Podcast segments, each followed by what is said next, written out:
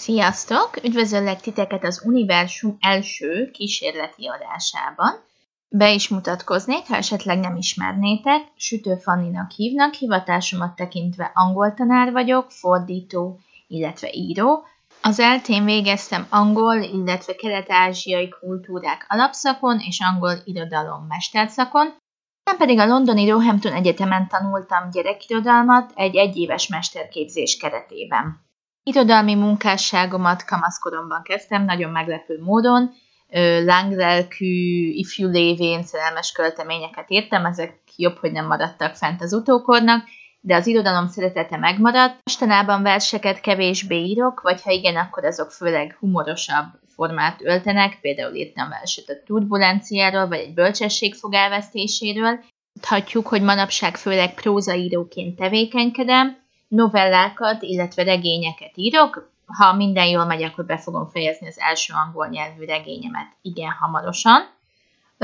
Műfaj tekintetében, vagy zsánerek tekintetében az urban fantasy, a mágikus realizmus és a valóságot a képzelettel vegyítő műfajok állnak hozzám közel. Elég is ennyi rólam, a blogomon találtok novellákat, verseket, meg egyéb izgalmas információt rólam.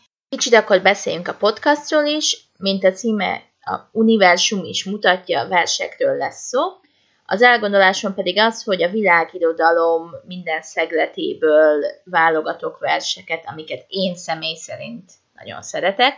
Tehát ez semmi magasztosabb irodalmi kánonhoz nem tartozik, ez Sütő Fanni személyes ízlése, Remélem találtok olyan verseket, amik titeket is megérintenek. Én ezeket felolvasom angolul, vagy franciál, vagy ha beszélem az adott idegen nyelvet, illetve magyarul. Igyekszem majd saját fordításokat használni, mert ez is az egyik hobbim, hogy verseket fordítok. Ha nem, akkor természetesen megmondom, hogy ki készítette el a fordítást, és utána elmondom, hogy én személy szerint miért szeretem ezt a verset. Tehát erre számíthattok, és akkor csapjunk is bele az első verssel. Szívemnek első választotja egy Donalog, azaz Fiatal Donald című 8. századi írköltemény. Nem tudjuk, hogy eredetileg kiírta, de angol nyelven Lady Augusta Gregory fordításában maradt ránk. Következzék tehát a vers először angolul. Donald Ugg, it is late last night, the dog was speaking of you. The snipe was speaking of you in her deep marsh. It is you are the lonely bird through the woods, and that you may be without a mate until you find me. You promised me, and you said a lie to me, that you would be before me where the sheep are flogged. I gave a whistle and three hundred cries to you, and I found nothing there but a bleating lamb. You promised me a thing that was hard for you, a ship of gold under a silver mast, twelve towns with a market in all of them, A fine white cord by the side of the sea. You promised me a thing that is not possible, that you would give me gloves of the skin of a fish, that you would give me shoes of the skin of a bird, and the suit of the dearest silk in Ireland. When I go by myself to the well of loneliness, I sit down and I go through my trouble. When I see the world and do not see my boy, he that has an amber shade in his hair. It was on that Sunday I gave my love to you, the Sunday that is lost before Easter Sunday, and myself on my knees reading the Passion, and my two eyes giving love to you forever. My mother has said to me not to be talking with you today, or tomorrow, or on the Sunday. It was a bad time she took for telling me that. It was shutting the door after the house was robbed. My heart is as black as the blackness of the sloe, or as the black coal that is on the smith's forge, or as the sole of a shoe left in white holes, it was you put that darkness over my life.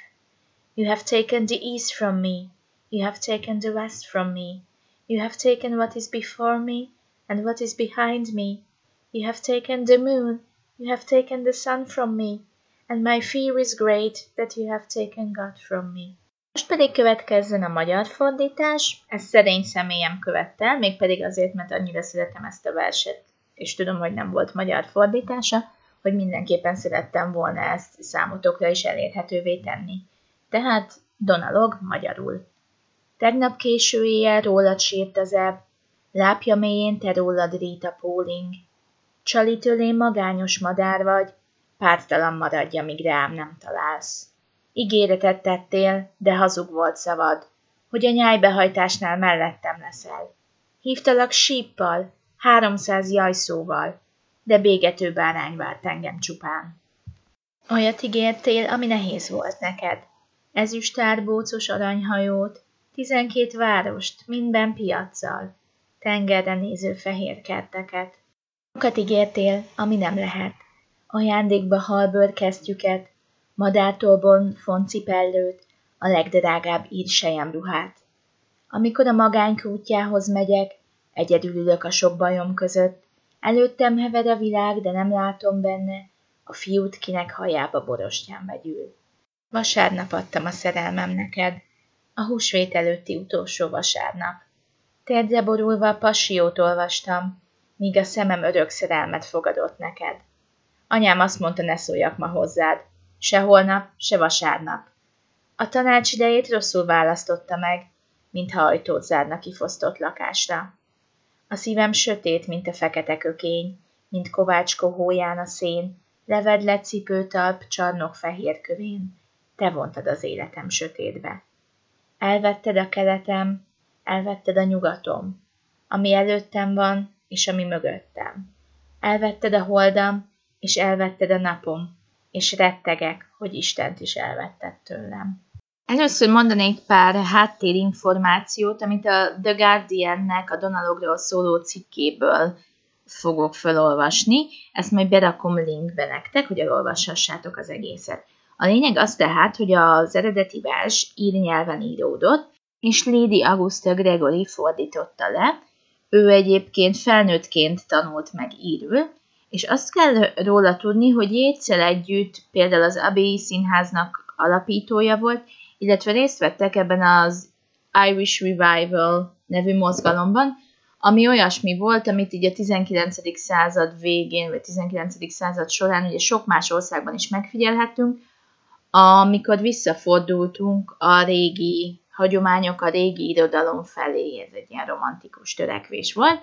Na most én nyilván írul nem tudok, de a cikk szerzője azt mondja, hogy Lady Augusta Gregory fordítása új életet lehel a versben, és hogy nagyon jól sikerült neki meg, megőriznie az eredeti ír ritmust.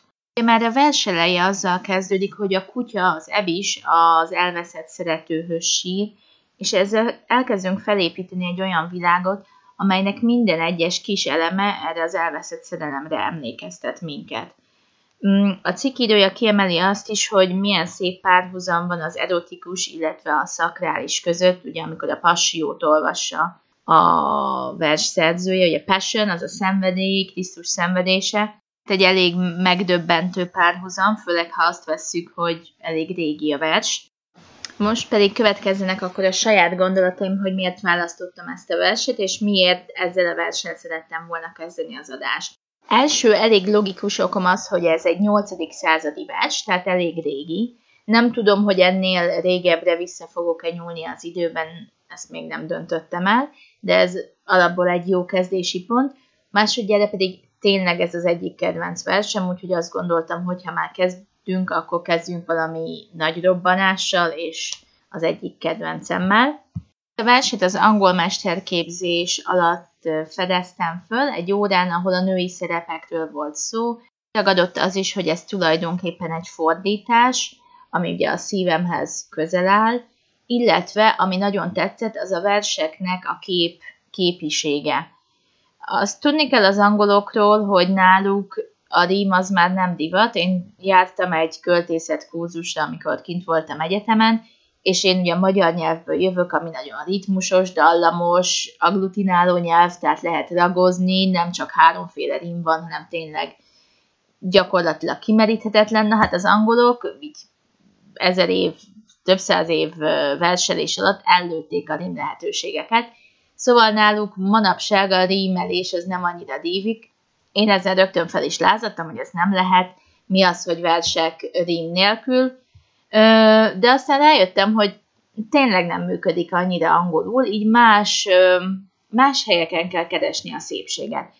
például a metaforákban vagy a költői képekben.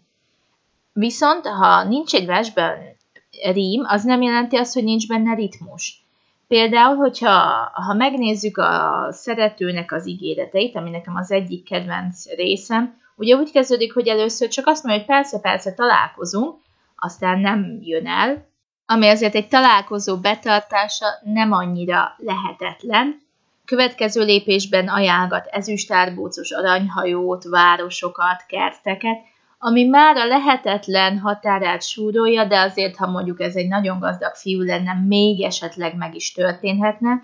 A harmadik verszakban viszont már teljesen átlépünk a lehetetlen mezeire, halbőrből készült kesztyű, madártól bolfon cipő, ennek egészen népmesei íze van, és igazából nekem ez a kedvenc verszak, én mindig szerettem az ilyen fura dolgokból készült ruhákat, cipellőket, nem tudom, ismeritek-e a Szamárbőr című mesét, kicsit durva, mert ugye arról szól, hogy az apuka szeretné a saját lányát feleségül venni, a lány ezt nem szeretné, úgyhogy mindenféle lehetetlennek tűnő feladatokat ad apukának, hogy például szőjön neki egy olyan ruhát, ami olyan, mint az éjszakai égbolt, vagy mint az óceán, és, és nekem ez jutott eszembe erről a versről, és ezért ez instant szerelem volt, akkor is nem egy vidám téma. És ugyanez a fokozódás megtalálható a vers végén, amikor a lány arról mesél, hogy mit vesztett el ezzel a szerelemmel. Az, hogy elvetted a keletem, elvetted a nyugatom, tehát elvitted, elvetted tőlem az egész világot, ez, ez már alapból egy nagyon nagy dolog, utána azt mondja, hogy elvetted, ami előttem van, és ami mögöttem. Itt talán az időről beszélünk, a múltját és a jövőjét, a holdam a napom, ugye megint egy kicsit a, a lehetetlen felé lépkedünk, és az utolsó sor az, hogy Istent is elvetted tőlem. Ugye ez a legnagyobb ö, csapás. A Guardian cikk írója egyébként azt is felveti, hogy lehet a, a vers írója az öngyilkosságot fontolgatja, de ha megnézzük a versben a vallásosság előkerül, ugye beszéltünk a passióról, ami párhuzamba állítja az erotikát és a szentséget. Egyébként ez egy később visszatérő motívum az angol költészetben, ha John Donne verseit megnézitek, ott is elő fog ez kerülni, talán majd őt is előrántom, ha megér a podcast több adást, és nem szaladok el sírva rögtön az első után. Ö, aztán ugye előkerül az, hogy vasárnap ne beszéljen vele, tehát nyilván a templom, egy templomba jár a lány és a fiú, illetve az, hogy húsvét előtt történt ez az eset. A húsvét is elég szimbolikus, ugye a feltámadással, halállal, Engem személy szerint lenyűgöz ebben a versben, hogy nagyon egyszerűnek tűnik, nincsenek benne iszonyatosan nagy költői képek vagy bravúrok, de a maga egyszerűségében olyan dolgokat csinál meg, amit talán bonyolultabb szerkezetű versek sem tudnak. Olyan leírást használ, ami a hétköznapi életben megfordul, tehát nagyon realista, viszont ezeket a realista elemeket felruházza egy olyan többletjelentésen, ami engem költőként lenyűgöz. Mert nagy szavakkal könnyű nagy érzéseket átadni, az igazi bravúr ott van szerintem, hogyha kis szavakkal ki tudunk nagy érzéseket fejezni. Hát én ennyi lettem volna, remélem tetszett a vers, Tudom, hogy nem úgy olvasok föl, mint egy profi versolvasó. Ha angolul szeretnétek gyönyörű, szépen felolvasott verseket hallgatni, ajánlom kis szerelmemet Tom Hiddleston, de én megteszem, amit én személy szerint tudok. Hálás lennék, ha kommentben elmondanátok, hogy mit szóltok a vershez, esetleg vannak-e olyan versek, amik titeket megérintettek, mik a kedvenceitek, ki tudja, lehet, hogy beveszem őket a műsorba. Ahogy ezt mondtam az elején, ez egy kísérleti adás, sose csináltam még saját podcastot, tehát valószínűleg ennek megvannak a maga gyermekbetegségei, remélem, hogy kitartó leszek, és ezeket idővel le tudom vedleni. Köszönöm szépen, hogy meghallgattatok, és legyen csodálatos napotok!